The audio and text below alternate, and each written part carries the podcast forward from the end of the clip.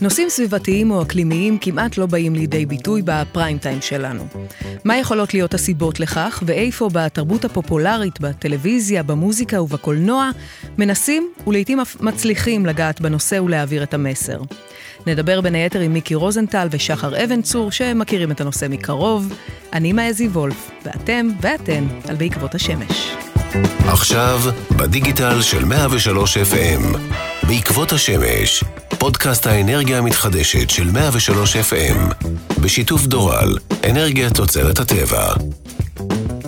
נתחיל מהמסך הקטן ומסך הקולנוע, על מה מדברים איתנו ואיזה נושאים מסקרים. שלום יונתן גת, מרצה באוניברסיטת תל אביב וגם אה, מרצה ברחבי הארץ על גיבורי תרבות. שלום מאיה, מה שלומך? מצוין, כיף לדבר איתך. כיף איתך, תמיד. אנחנו מדברים על uh, משבר האקלים, אנרגיות מתחדשות וכולי, אבל uh, כשאני מסתכלת בטלוויזיה, בתרבות הפופולרית, אני לא רואה לזה הרבה אזכורים. כלומר, בניגוד מוחלט לרמת ההשפעה של זה על חיינו.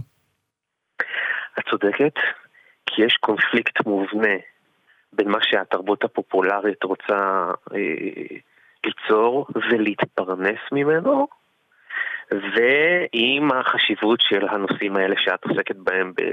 צריך לברך אותך על זה. כי המדיה הפופולרית היא ניזונה, קודם כל, אנחנו מדברים, אנחנו מדברים על טלוויזיה, הם ניזונים ממפרסמים. ומה לעשות שבקרב המפרסמים האלה יש המון המון מפרסמים מזהמים. ולכן היכולת של הטלוויזיה, תכף נעבור לקולנוע, היכולת של הטלוויזיה להתעסק עם נושאים שיש להם בעצם אה, אינטרס מנוגד למפרסמים, היכולת שלה לעשות את זה, כמו שאת יודעת, כי את אשת טלוויזיה ותיקה, היכולת היא מאוד מוגבלת. ולכן אנחנו נמשיך לצפות בתוכניות ריאליטי לרוב, ואת זוכרת שעד לפני, בוא נגיד, אה, משהו כמו 15 שנה דווקא, תחשבי, דווקא אז ראינו סדרות כמו הבולדוזר mm-hmm. והבולדוג, עם גיא מרוז, ומיקי רוזנטל, ואלה היו תוכניות מאוד פופולריות מבחינת הרייטינג, שהלכו לבדוק מי מזהם לנו את הסביבה. הזכרת את מיקי רוזנטל, שתכף יהיה איתנו ויספר על החוויות שלו מהמאבקים שהוביל על המסך ומחוצה לו. ואני לא צריך לדבר איתך על שיטת השקשוקה שהייתה כאן לפני 15 שנה בערך, משהו כזה. אה, והדברים האלה הביאו הרבה מאוד רייטינג. זאת אומרת שהדברים האלה הם לא... הבחירה של הטלוויזיה לא לעסוק בנושאים האלה היא לא בגלל שזה לא מביא קהל, להפך, זה מביא המון קהל. אלא בגלל, שוב, שיש כאן אה, בעלי הון וקונגלומרטי ענק שהם עומדים מאחורי הזכייניות הגדולות. ולכן, אה, את יודעת, אה, את יכולה להגיש תוכנית שהיא מנותקת מגורם שיש מאחוריו אה, אינטרסים כלכליים. זה את, וזה תאגיד השידור הציבורי, שגם בו יש אה, מדי פעם תוכניות שהוא קשורות. לא, האמת צריך לציין, אם כבר הזכרת את התאגיד, למשל הזמן הירוק, ויש את יפעת גליק נכון. שמובילה את זה, ויש גם בחלק מהעיתונים נכון. כתבים שמתמחים בזה, אבל אני, אני תוהה, אמרת ש, שזה מביא הרבה קהל, ואני רוצה דווקא גם להתייחס לקהל, כי אולי אנשים בבית אומרים, בואנה, מספיק קשה פה, לא רוצה לחשוב. על מה שיהיה בעתיד, כלומר, אלה צרות שעוד יבואו בהמשך, תנו לי בידור להמונים, תנו לי לנקות את הראש עם איזה ריאליטי. כן, אבל המהדורות נפתחות באלימות בכבישים. אז... אה, כן. אבל זה קורה כאן ועכשיו, זה לא משהו שעוד נכון, יקרה. נכון. לא, אני לא שולל את מה שאת אומרת, אבל אה, צריך לזכור, אנחנו כולנו אוהבים סרטי אסונות, נכון? אז אה, זה הסרט אסונות האמיתי. האמת היא שפה בעניין הזה הקולנוע נותן אה, סוג של קונטרה. אה, יש לא מעט סרטי אסונות שאנחנו רואים בקולנוע.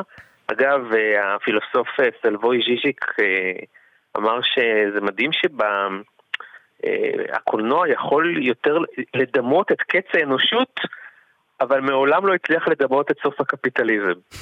אין אף סרט שמראה את הסיום של הקפיטליזם, אבל סוף העולם זה בסדר להראות, אין בעיה. אה, זה רק מראה כמה אנחנו שבויים בתוך הלימבו הזה.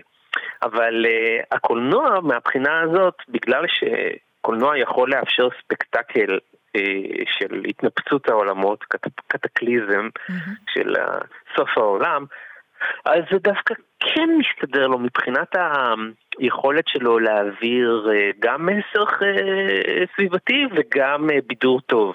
יש הרבה סרטים כאלה. תן לי כמה דוגמאות, כן. למשל, ביום שהעולם עמד מלכת, זה סרט מ-2008, mm. שמשתתף בו קיאנו ריבס, שכולם זוכרים אותו מסרטים נוספים, אבל בדרך כלל מקשרים אותו למטריקס, אני נכון. זוכר אותו מסרטים נוספים, אבל זה, זה כן קצת קשור. מופיע שם ג'ון קליז, קומיקאי בריטי. כן. כן, רק שהוא מופיע שם בתפקיד רציני. אה, יש סרטים נוספים, כמו הסערה, ומסע בזיכרון, ועוד ועוד. למשל, ביום שהעולם עמד מלכת, מגיע חייזר לכדור הארץ שמנסה להבין האם העולם יצליח לעמוד בכל האסון האקלימי שהולך להיות פה, והוא חוזר עם תשובה שלא, שהעולם לא יצליח לעמוד בזה. מאוד אה, מעודד. מבחינת הקהל, כן, את יכולה גם לשאול, אז למה הקהל הולך לסרטים כאלה? הרי אם הוא לא רוצה ל... שיספרו לו על כמה הולך להיות פה גרוע, אז למה הוא הולך לסרטים כאלה? אבל הקהל הולך. את יודעת שאמת מטרידה של אל גור היה בלוקבאסטר רציני, וגם זוכה אוסקרים. אז זאת אומרת, יש ביקוש, יש אפשרות, יש גם כישרונות, אה, אבל אה, בואי נגיד, יש לזה מתחרים בתרבות הפופולרית. אנשים מעדיפים, כמו שאמרנו, לעסוק בשופינג ולראות אה, תוכניות שעוסקות ב... מי מכין את התבשיל היותר נכון, מאשר לראות משהו שדורש ממך לעשות שינוי. אני מסכים איתך בזה שהאסקפיזם פה הוא לא אסקפיזם שאנשים רוצים אותו כמשהו שהוא מגיע אליהם בסוף היום אחרי העבודה.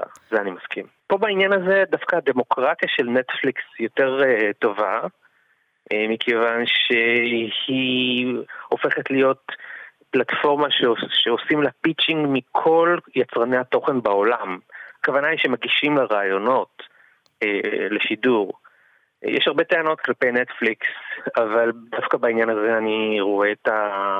את היתרון שלה. חוץ מהטלוויזיה, בהמשך נדבר עוד על מוזיקה, שחר אבן צור יהיה פה ממוניקה סקס, שלקח את זה צעד אחד קדימה והוציא אלבום שמיועד לילדים, אבל לא רק, על uh, חיות uh, שחלקן בסכנת הכחדה, שזה עוד דרך uh, להוביל יפה. את הדברים האלה, ובכלל אני... הסקירה המוזיקלית. בסדר שאני אעשה פרסומת גם קצת לתוכנית שלי? אני רציתי להגיד את זה לבד, אבל בטח, רציתי להגיד שכשתסיימו להאזין לפרק הזה של הפודקאסט, תעברו ליונתן אליך.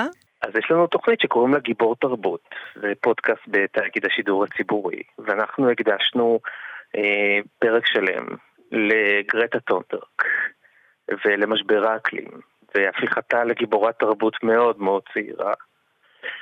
אה, והקדשנו גם פרק לנושא הטבעונות.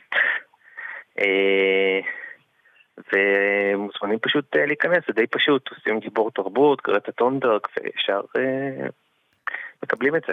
מי שירצה לשמוע אותך מדבר גם על קולנוע, יוכל גם לחפש את הפודקאסט פסטיבל כאן, שגם הוא נמצא נכון. באפליקציות, או לבוא לאחת ההרצאות שלך ברחבי הארץ. בשמחה.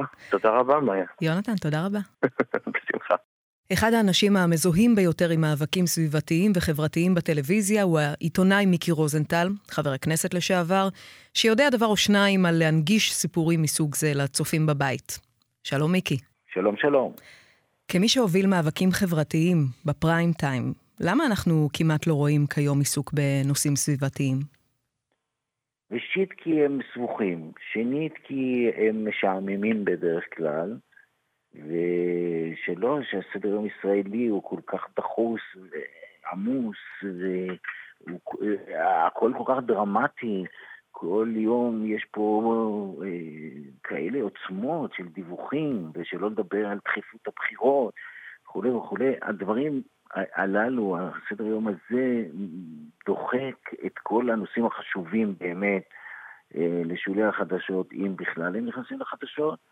והתוצאה היא שאנחנו עוסקים רוב הזמן בקשקושים בתקשורת שלנו, ולא במהות ולא בדברים שמשפיעים על חיינו.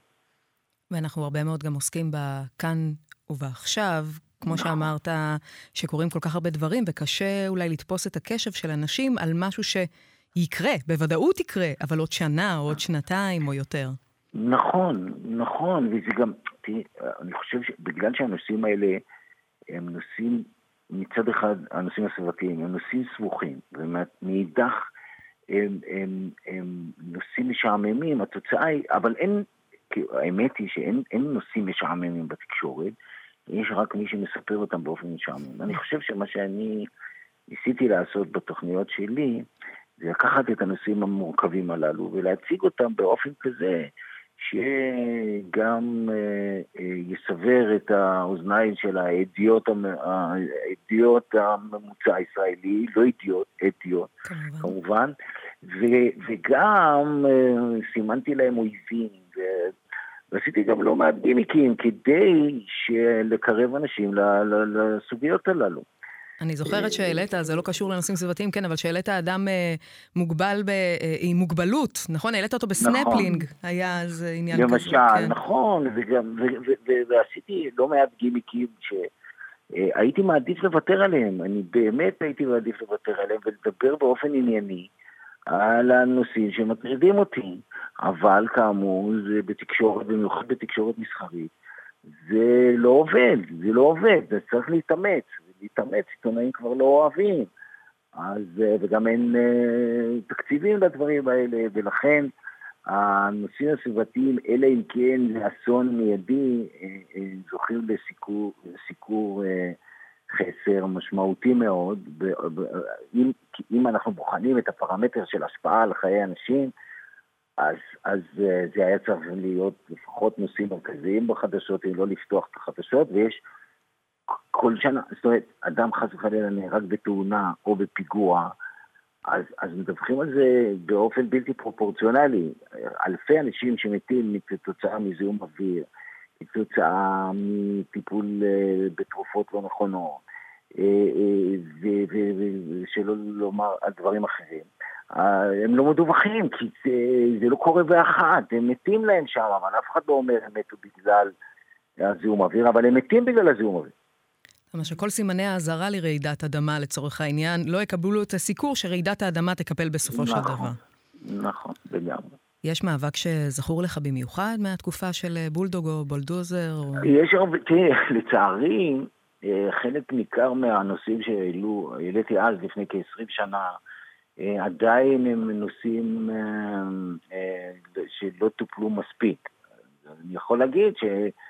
שזה גם, גם המאבקים אה, לשמר את חופי הים, זה מאבקים שלא נגמרים, המאבק לצמצום הזיהום האוויר ולאוויר יותר טוב, הוא, לא, הוא לעולם לא יסתיים, אני חושב. במקרה, במקרה מסוים יהיה שיפור במצב, אבל זה אף פעם לא, זה בעיה שלא תיפתר, כי הקיום האנושי, אה, אה, ככל שאדם משתמש בטכנולוגיות, ו, ו, והחברה שלנו היא חברת צרכנית תעשייתית, אז יש, יש מפגעים. השאלה היא לא אם יהיו מפגעים, אלא את, אה, את עוצמתם ומידתם. וכאן זה מאבק מתמיד, זה מאבק בלתי, זה, זה מאבקים שלא יסתיימו. אז אה, היו דברים ספציפיים, ובאמת פתרנו והעלינו למודעות, ו, ו, ו, ו, והם נושאים אה, חולפים. אבל איזה שימוש יעשו בחופי ישראל, האם זה יהיה לטובת הציבור או לטובת אה, גורמים אחרים, המאבק הזה לא יסתיים לעולם, כמו מאבקים אחרים שציינתי, וטוב שכך, אבל אה, אנחנו גם, אה, אני חושב שרמת המודעות בכל זאת עולה, למרות החסר בסיקור תקשורתי, במיוחד אצל צעירים, אז יש תקווה. אם אנחנו מדברים על הסביבה, אנחנו חייבים לדבר על המאבק להצלת ים המלח. כן.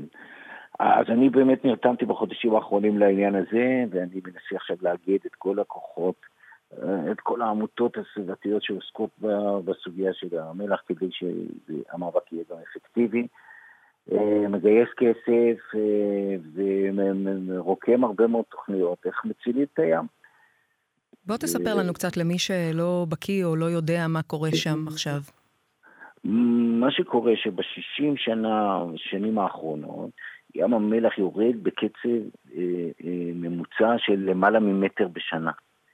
מטר בשנה זה המון, זה, זה, זה בלתי נתפס, רק כשמגיעים לים ורואים איפה הייתה סוכת המציל לפני שלוש שנים, ופתאום רואים שהיא במרחק של עשרות מטרים מהחוף, מבינים את עוצמת הנזק הזה שנגרם אה, לים המלח, וזה כאמור לא אסון טבע, זה אסון שנעשה על, על ידי אה, בני אדם. זה התוצאה, זה כתוצאה מסחירת סכרים אה, לאורך הכנרת והיובלים שלה על ידי ישראל, סוריה וירדן. זה שני שליש מהבעיה בערך, ושליש נוסף מהבעיה הוא המפעלים ששואבים את המים מהאגן הצפוני. אין יותר אגן דרומי לים המלח. יש שם רק בריכות אידוי, ושואבים את המים הללו מהאגן הצפוני לבריכות האידוי, שם הם מאדים בתהליך התעשייתי את המים, והחומר שנותר הוא משהו שאחר כך מייצרים ממנו אשלג, אבל התוצאה היא שאנחנו בדרך מאבדים את ים המלח, ואם אנחנו לא נעשה שום דבר בעשרות השנים הקרובות, לפחות ניסיון מאמץ רציני לייצב, אנחנו כבר לא נצליח להביא את המפלס בגובה שהוא היה לפני 60 שנה, אבל אם נייצב אותו היום במפלס סביר, אז נציל את ים המלח. ואם לא נעשה כלום, אז פשוט ים המלח יהפוך להיות אה, שלילי. מוזר בעיניי שאין גיבוי בינלאומי לסיפור הזה, הרי זה המקום הכי נמוך בעולם. כמה נכון. חונכנו וגדלנו על זה. זה מקום מאוד ייחודי, גם מבחינה גיאולוגית, גם מבחינה תיירותית, גם מבחינה אה, כלכלית, ועם פוטנציאל תיירותי באמת עצום.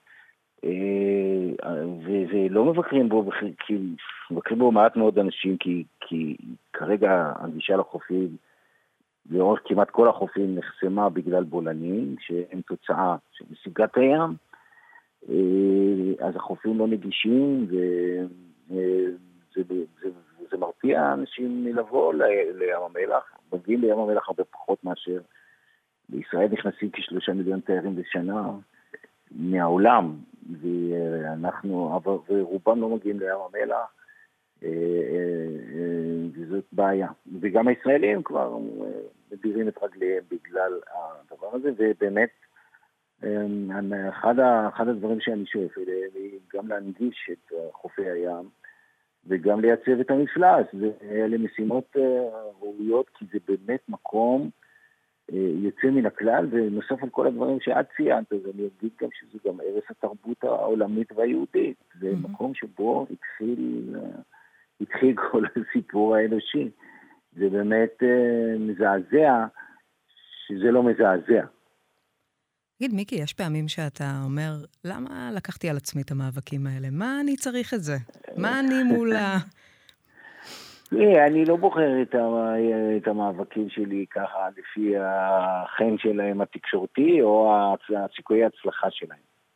אני אה, עושה מאבקים כי כשאני, הלב מתפוצץ לי ואני מרגיש שזה מאבק ראוי וצריך לעשות אותו, ואז אני עושה אותו, ולפעמים אני מצליח, לפעמים נכשל, וזה לא כל כך אכפת לי. אם המאבק הוא ראוי, אז הוא ראוי נקודה. ואני לא חושב, הנושא, יש הרבה מאבקים שעשיתי ונאמר שהם שנויים במחלוקת. המאבק על ים המלח, אני לא מכיר הרבה מאוד ישראלים שלא אכפת להם מהים, או... זה, זה ממש קונסנזוס ישראלי. ולכן אני גם מקווה שאנחנו נצליח, אה, אה, נצליח במאבק הזה, אבל זה באמת מאבק ארוך טווח והוא מאוד מאוד סבוך, שזה גם אחת הסיבות שלקחתי אותו על עצמי. כי בגלל מורכבותו של המאבק הזה והמורכבויות של הפתרונות, אה, אז צריך די התמחות בזה, שלא לומר צריך פנים גם למאבק, אז תרמתי את הפנים המכוערות שלי למאבק. אה, ש... ואני גם מבין בזה לא מעט, כי, כי עסקתי בזה הרבה מאוד שנים, והידע פה הוא ממש הכרחי כדי, אה, כדי לקדם פתרונות. ואני מאוד מאמין ומקווה שאנחנו נצליח, ויש לי גם הרבה מאוד שותפים, בקרוב אני באמת מקווה, כאמור, להקים קואליציה, ואז אה, נדהר יחד אה, להצלת ים המלח.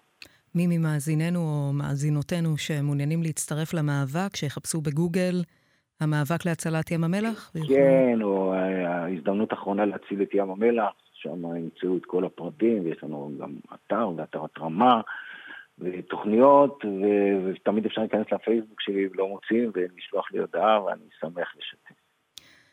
יאללה, בוא נהיה אופטימי, מיקי. אני אופטימי, אני, אני, תשמעי, כגודל האסון, ככה גודל התקווה. שלא לומר שבאמת, האסון הזה גם יצר תופעות טבע מופלאות בים המלח, שרוב האנשים לא נחשפו אליהן. למשל, הירדן עצמו, הוא בגלל שהמפלס הים ירד באיזה כ-35 מטר, אה, אה, הוא התחפר ויצר בחלק האחרון שלו קניון נפלא, באמת. אה, אי אפשר לגשת לשם סתם, בגלל שזה על גבול ישראל-ירדן, וצריך לתאם עם הצבא, אבל תופעות טבע נפלאות, שלא לדבר על ניצבי המלח והבולענים הצבעוניים והרבה מאוד דברים מאוד מאוד יפים. אנחנו רק צריכים לדאוג להנגיש אותם לאנשים באופן מלא ובטוח. ואת זה מדינת ישראל מחויבת לעשות, ואנחנו נשכנע אותה שכך יהיה. שזה יעשה. שכך יהיה, בוודאי. מיקי רוזנטל, תודה רבה לך. חן חן, כל טוב, בשורות טובות.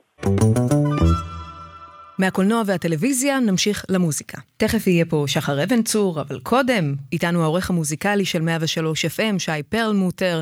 שי, תגיד, מתי המוזיקאים בעולם, וגם אצלנו, החלו להתייחס לנושאים הללו? מה גרם לכך? אז ככה, באמת מוזיקאים התחילו לעסוק ביצירה שלהם במשבר האקלים וביחס של בני אדם לסביבה ולטבע לפני כ-50 שנה פחות או יותר, בתחילת שנות ה-70. הסיבה שבגללה התעוררה מודעות בקרב המוזיקאים דווקא על הנקודה הזאת בציר הזמן, נעוצה בעובדה שבשנת 1969 נפל דבר. בשנה הזאת, שמזוהה בעיקר עם פסטיבל וודסטוק, התרחש גם פשע אקולוגי נוראי. שלושה מיליון גלונים של נפט נשפכו מאתר קידוח לחופי קליפורניה והרגו כעשרת אלפים עופות, דולפינים וכלבי ים. בעקבות האסון הזה החליטו לייסד מספר חברי קונגרס אמריקאים את יום כדור הארץ שנוסד ב-1970, וההשפעה של יום זה על המוזיקאים לא איחרה לבוא. כבר שנה לאחר מכן, ב-1971, יצאו שירים כמו Don't Go Near the Water של הביץ' בויז, שבו הם יוצאים נגד היחס של האדם לים ולמקורות המים השונים, ומבקשים מהבריות להפסיק לזהם את המים כדי שהים לא יגמור, כמו אמבטיית קצף ענקית. גם ג'וני מיטשל בשירה Big Yellow Taxi מתייחסת להרס הסביבתי שיצר האדם בהוואי, בה היא שהתה בחופשה במהלך כתיבת השיר, ובו היא זועמת על כך שאנשים ריצפו את גן עדן והקימו חניון ולקחו את כל העצים והכניסו למוזיאון.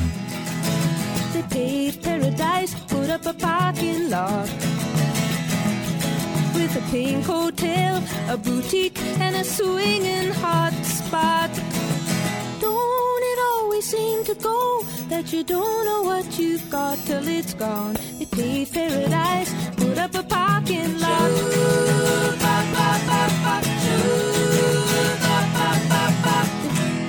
זמר נוסף הוא מרווין גיי, שבאותה שנה הוציא את אלבום המופת What's Going On, שנגע בנושאים פוליטיים וחברתיים רבים, וכלל בתוכו את השיר Mercy Mercy Me The Ecology, שבו הוא מוחה על תאוות הבצע של האדם שישמיד במו ידיו המזהמות את העולם על ידי הקרינה, הזרמת השפכים, הרג החיות, והעולם, הוא מבקש רחמים. עכשיו, אתם בטח תוהים מתי התחילו לעסוק לראשונה בנושא במוזיקה הישראלית. אז באיחור קל של בערך 18 שנה מאחותנו הגדולה, הפציע אריאל זילבר בשנת 1989 עם השיר להתראות במבול הבא, שידוע גם כשיר האוזון דנס, ונחשב בחוגים מסוימים גם כשיר הראפ הישראלי הראשון. בשיר מספר זילבר לילדי ישראל את סיפור נוח והמבול, ומיד לאחר מכן פותח בנבואת זעם על המבול שעתיד לבוא אם, תקשיבו טוב, לא נפסיק להשתמש במתאר אוויר אחרי ביקור בשירותים. בחברה להגנת הטבע בטח היו מרוצים מזה.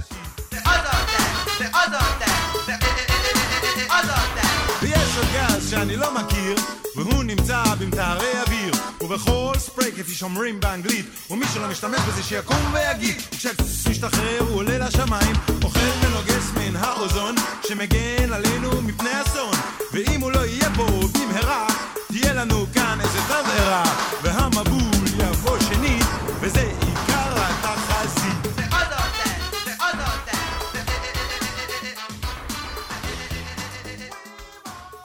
שתי דוגמאות נוספות של שירים ישראלים שמתייחסים באופן ישיר להתחממות הגלובלית ולמשבר האקלים, הוא השיר "זה עוד לא אבוד" של להקת ג'ן בורדו, עם מילים נוקבות שמקוות שלא איחרנו את הרכבת בכל הנוגע ליחס שלנו למשבר האקלים.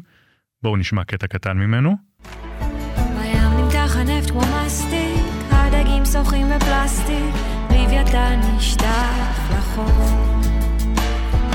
הזיהום מבעבע, גם באופק הוא טובע. לא רואים כבר את הנוף.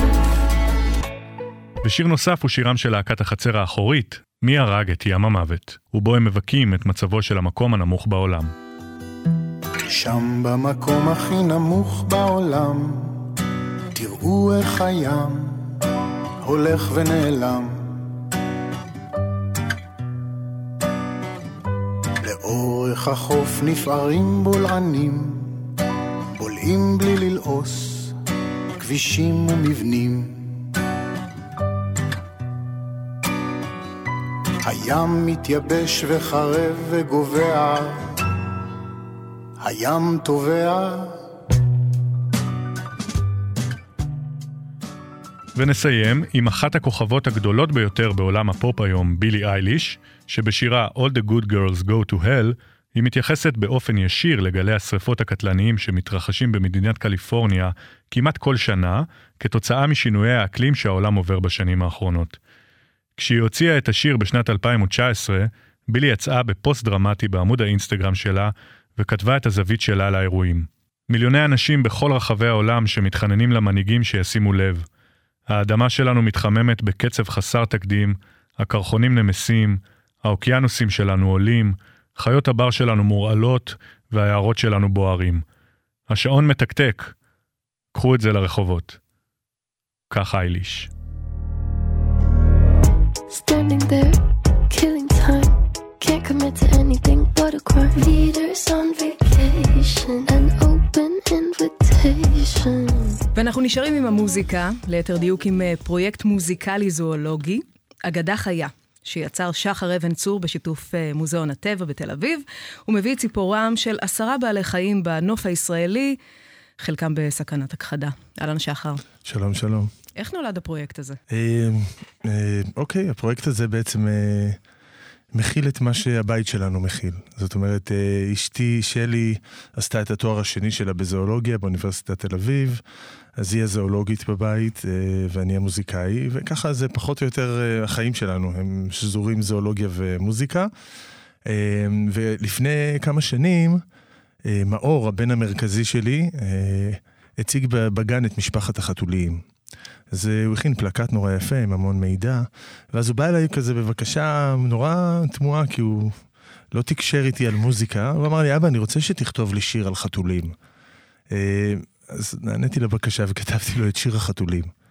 וזה נהיה כזה להיט אצלנו בבית, ואז אצל מאור בגן, ואז בגן על יד, וגם בגן הסמוך זה כזה מין שלישיית גנים. וזהו, ו-the next thing is, מי זאת מוניקה סקס בכלל? אני מסתובב בשכונה ומבקשים ממני לשיר רק את שיר החתולים. זה העלה בי את המחשבה הזו לעשות אלבום שלם על בעלי חיים. יצאנו לאיזה טיול שבת עם דוקטור ערן לוין, חבר, השמענו לו את השיר, מאור ביקש להשמיע לו את השיר, והוא התלהב מאוד ואמר, תקשיבו, אפשר לחבר אתכם עם הרעיון הזה למוזיאון הטבע. ותמיד צריך את הבן אדם הנכון במקום הנכון, ואיכשהו הגעתי למוזיאון הטבע לפגישה עם מנכ"ל המוזיאון אלון ספן, והיה לנו קליק מיידי, ויחד הגדרנו את הפרויקט תוך שתיים שלוש פגישות. כבר הבנו שנתעסק פחות בחתולים ויותר בחיות בר ארץ ישראליות. זהו, זה לא החיות של אצליה שוקה, לא, חיות הבית לא. והחווה. אני חושב שאף אחת מהחיות באלבום הזה, אף אחת מהאגדות החיות האלה לא מוזכרות אפילו בשום צורה. בסיפורת או בשירים, בוודאי שלא. לדוגמה, קוצן הזהוב, קוצן הזהוב, וככה באמת זה התחיל, מכיוון שאלון ניסה לאתגר אותי בפגישה השנייה, או הראשונה, סליחה, ואמר לי, בוא נראה אותך כותב שיר על קוצן זהוב. אבל מה שהוא לא יודע זה שחיית המחקר של שלי בתזה שלה, בתואר השני, הייתה קוצן זהוב. וכביכול כמה שנים לפני זה עוד הכנתי לשלי חולצות עם הקוצן הזהוב, וזה היה חלק מהבית שלנו. וככה בעצם הכל התחיל. בעצם כל הרעיון הזה של... להתעסק במגוון הביולוגי ובאקולוגיה דרך מוזיקה, ככה זה קרה, פשוט מאוד. קוצן זהוב, גם אם לא הכרתם אותי, הנה אני בא לגנוב את ההצגה. כוכב זהוב, חי רק את הרגע, לא מצוי, אל תתבלבל זהוב, אגדה חיה. זהו, אז הקוצן הזוב באמת גנב את ההצגה, לא כמו, בשיר. יש, המחשבה הייתה אבל גם על מסרים, כלומר, אתה אומר להציג את המגוון הביולוגי, אבל למשל הסממית החרמונית, שהיא בסכנת הכחדה, ו- ואתה מדבר על זה בשיר, חשבת על איך אתה מנגיש את המסרים האלה ואיך אתה אולי אפילו מניע לפעולה מסוימת? אמ, אז מבחינת הטכניקה, נקרא לזה, זה משהו שככה שיפרתי ותוך כדי תנועה, אבל אה, בגדול התייחסתי לזה כמו שחקן. כמו שחקן שהולך לגלם תפקיד. ממש בצורה הזו. אז קודם כל עשיתי את התחקיר הכי מעמיק שיכולתי לעשות אה, בעזרת זואולוגים וזואולוגיות מה, מהמוזיאון, אה, וחייתי עם המחשבה על כל חיה תקופה מסוימת. ניסיתי לתת לדברים לשקוע. אה, סיפור יפה נגיד אה, עם אה, הבלדה למלפפון הים.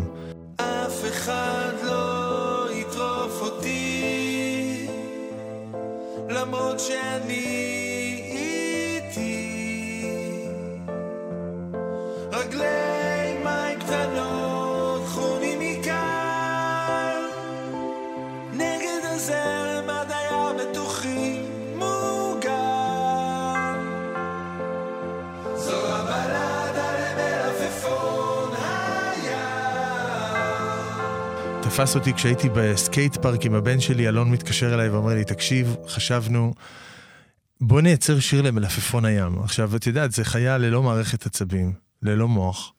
אה, חיה במחשכים, אתה בקושי נתקל בה אולי ב, ב, בים האדום פה ושם. מה אתה כותב על חיה כזו? מה, איך אתה מנגיש אותה לציבור? איזה אינטרס יש לך בכלל לעשות דבר כזה, בוא נתחיל מזה. וזה באמת היה צומת באלבום, אני לא סתם מספר על החיה הזו, כיוון שזה היה צומת, כי עד, עד אז היו לי שלושה שירים כבר שהם כאלה קצביים ומגניבים. אה, ובדיוק פה הגעתי לאיך אני מעביר מסר שיש חיה כזו אה, שקיימת, והיא כל כך לא נודעת לנו. אה, איכשהו זה הפך למין גיבור טרגי. ופתאום הבנתי גם שזה בסדר גם באלבום אה, שיהיה לנו גיבור טרגי, זאת אומרת, לא הכל צריך להיות הפי ופאני ושמח. וזה באמת נתן עוד עומק שמכתיבת uh, הבלד על המלפפון הים והלאה, היה לי עוד איזה מין רובד שלם שיכולתי להתייחס אליו. Uh, וזהו, אז לשאלתך, נכנסתי לדמות של כל uh, חיה, ממש ככה, וניסיתי לחשוב מה היא הייתה רוצה להגיד לנו. Uh, היה גם לא מעט רגעי קסם כאלה של הרבה צחוקים אני עם עצמי, כי צריך להזכיר או לא, אבל זה משהו שעשיתי אותו לגמרי לבד, בגלל התקופה, זה היה בתקופת הקורונה, הקורונה כן. נכון. ווואלה, זה היה ממש מין uh, דיאלוג שלי עם עצמי, ובגלל זה היה לי יותר קל. לא, לא, זה לא היה לי נגנים סביבי או מפיקים, היה יותר קל כאילו להיכנס לדמות לבד באולפן ולייצר את זה איכשהו. הזכרת את מוניקה קודם, הקהל שמגיע להופעות הוא, אה, בוא נגיד, נמוך יותר מהקהל הממוצע שמגיע למוניקה סקס, ילדים. כן, אבל האנרגיות גבוהות. האנרגיות, נכון, אני יכולה להעיד בעצמי. אמ, איך זה באמת להופיע לפני ילדים? יש משהו נורא אה, ישיר ופתוח, כן? כל הקלישאות נכונות, אבל כשאתה מופיע ורגע לפני שאתה מתחיל שיר, אה, ילד אומר לך, לאח שלי נפלה אתמול שן! ואז שתיקה. אה, זה לא קורה במוניקה. לא משתפים אותנו ברמה כזו בחיים. אני אדאג לשתף בפעם הבאה שאני מגיעה להופעה. אוקיי, אוקיי, זה כן. יכול להיות נחמד. כן. אבל הרמת שיתוף הזו והפתיחות הזו היא גאונית בעיניי והיא נפלאה. אה, בין אם הם יורדים עליי או בין אם הם אה, מנסים להוציא ממני איזה פרט מידע או פשוט לשוחח איתי. נהיה גם עניין של כיפים, כיף נהיה נורא פופולרי אצלי בהופעות, זה כאילו אני מחלק זהב, זה נורא מוזר.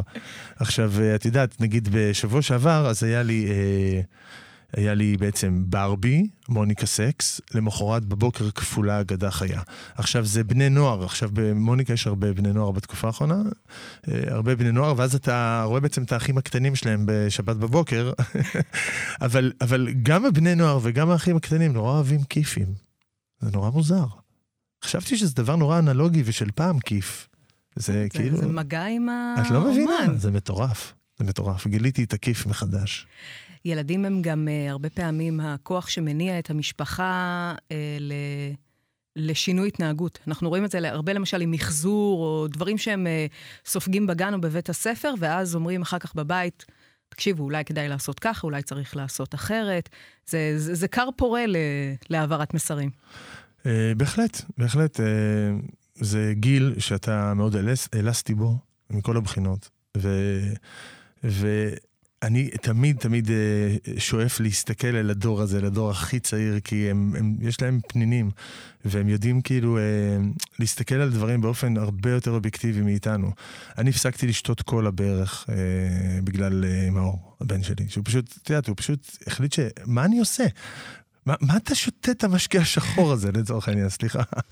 אבל כן, יש להם איזה מין יכולת לשנות גם, פשוט מאוד, ואני באמת מאמין שאם יותר ויותר ילדים יכירו את הסממית החרמונית, למשל, ויכירו בעובדה שזו חיה שקיימת רק בישראל, רק בחרמון, אין אותה בשום מקום אחר בעולם, זה די מדהים, כן? היא לא פחות ייחודית מנועה קירל, לצורך העניין. אה, ואם לא נשמור עליה, אז היא פשוט תיעלם מהעולם לתמיד.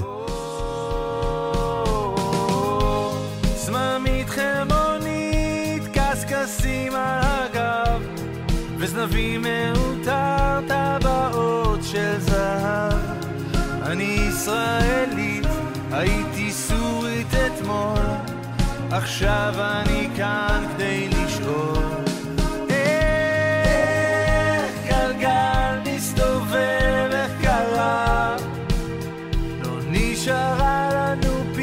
אדמה.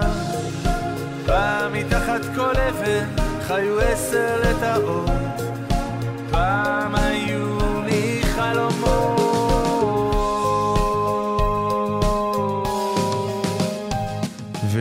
נכס שיש לנו כאן, זו חיה שהיא נורא חשובה גם למארג האקולוגי שלנו.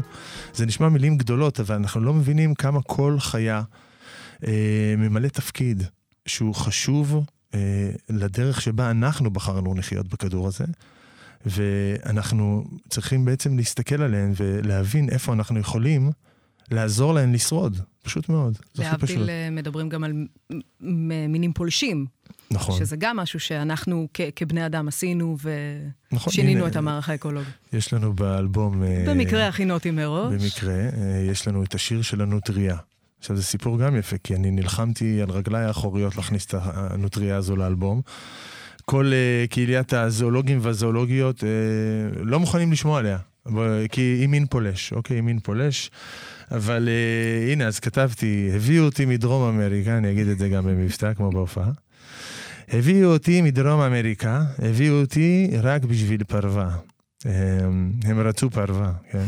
פתאום הבינו שהשמש כאן חמה. אז הם זרקו אותי לתוך בריכת דגים שאוכל את הצמחייה. ומה קרה?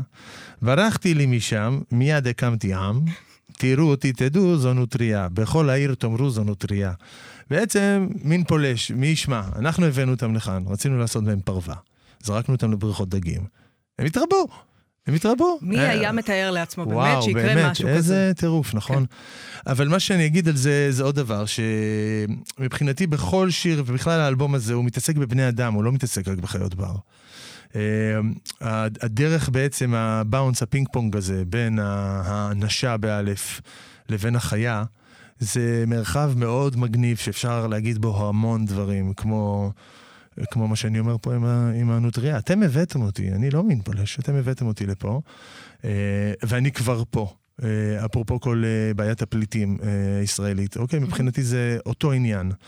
זאת אומרת, מי שפה, אנחנו אחראים לגורל שלו, אנחנו לא יכולים להתייחס אליו כמין פולש, ובמיוחד אם נתנו לו להיכנס והוא כאן.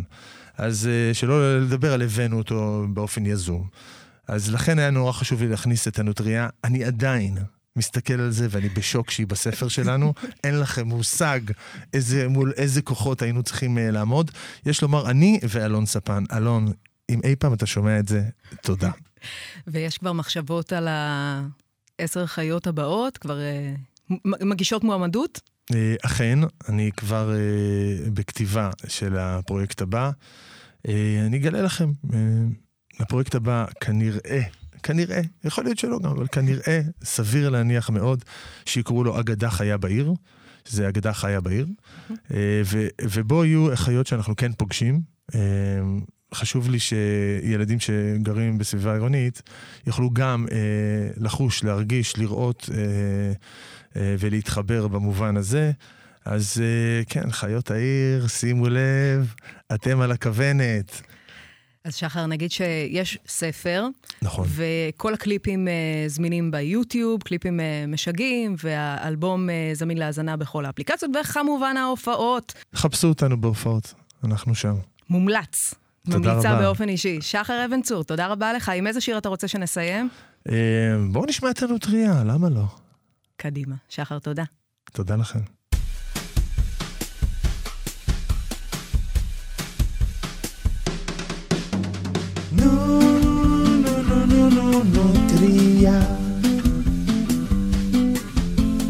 No, no, no, no, no, no, tria.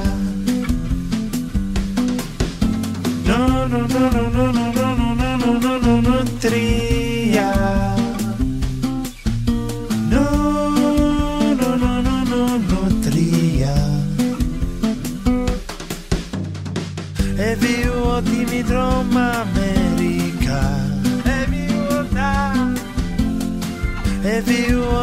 הנה רק בשביל פרווה הם רצו פרווה פתאום הבינו שהשמש כאן חמה כל כך חמה זרקו אותי לתוך בריכת דגים שאוכל את הצמחייה ומה קרה? ברקתי לי משם, מיד הקמתי ים, תראו אותי, תדעו, זו נוטריה בכל העיר, תאמרו בכל העיר זו נוטריה. יש לי קרומי זכייה הם הקדמיות, ושיניים קדמיות כתומות קטנות מאוד. לא מצחצחת שיניים. אל תבלבלו אותי בלוטרי, לא אני ואני הנוטריה. יש לי שפם גדול, וצרפתים אוהבים אותי לאכול. עצמות. בנחל הירקון שחיתי עם גוריי, אשת שלום אני אבל הוא מאיים עליי. זה כלב לא זהיר, הוא ישלם מחיר, לא מסכנים גורים של נוטריה.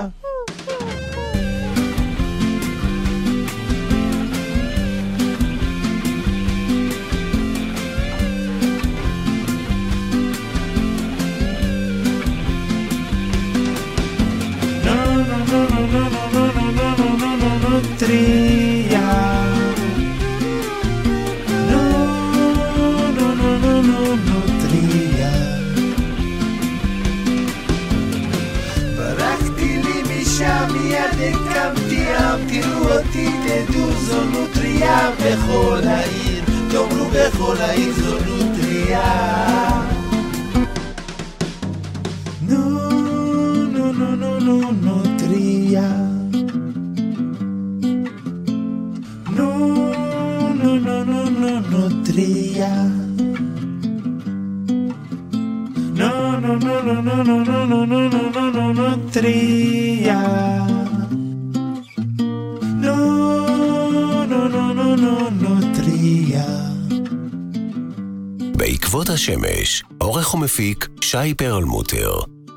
מגישה מאיה זיו וולף. כל הפרקים זמינים להאזנה באתר וביישומון של 103 FM ובאפליקציות הפודקאסטים המובילות.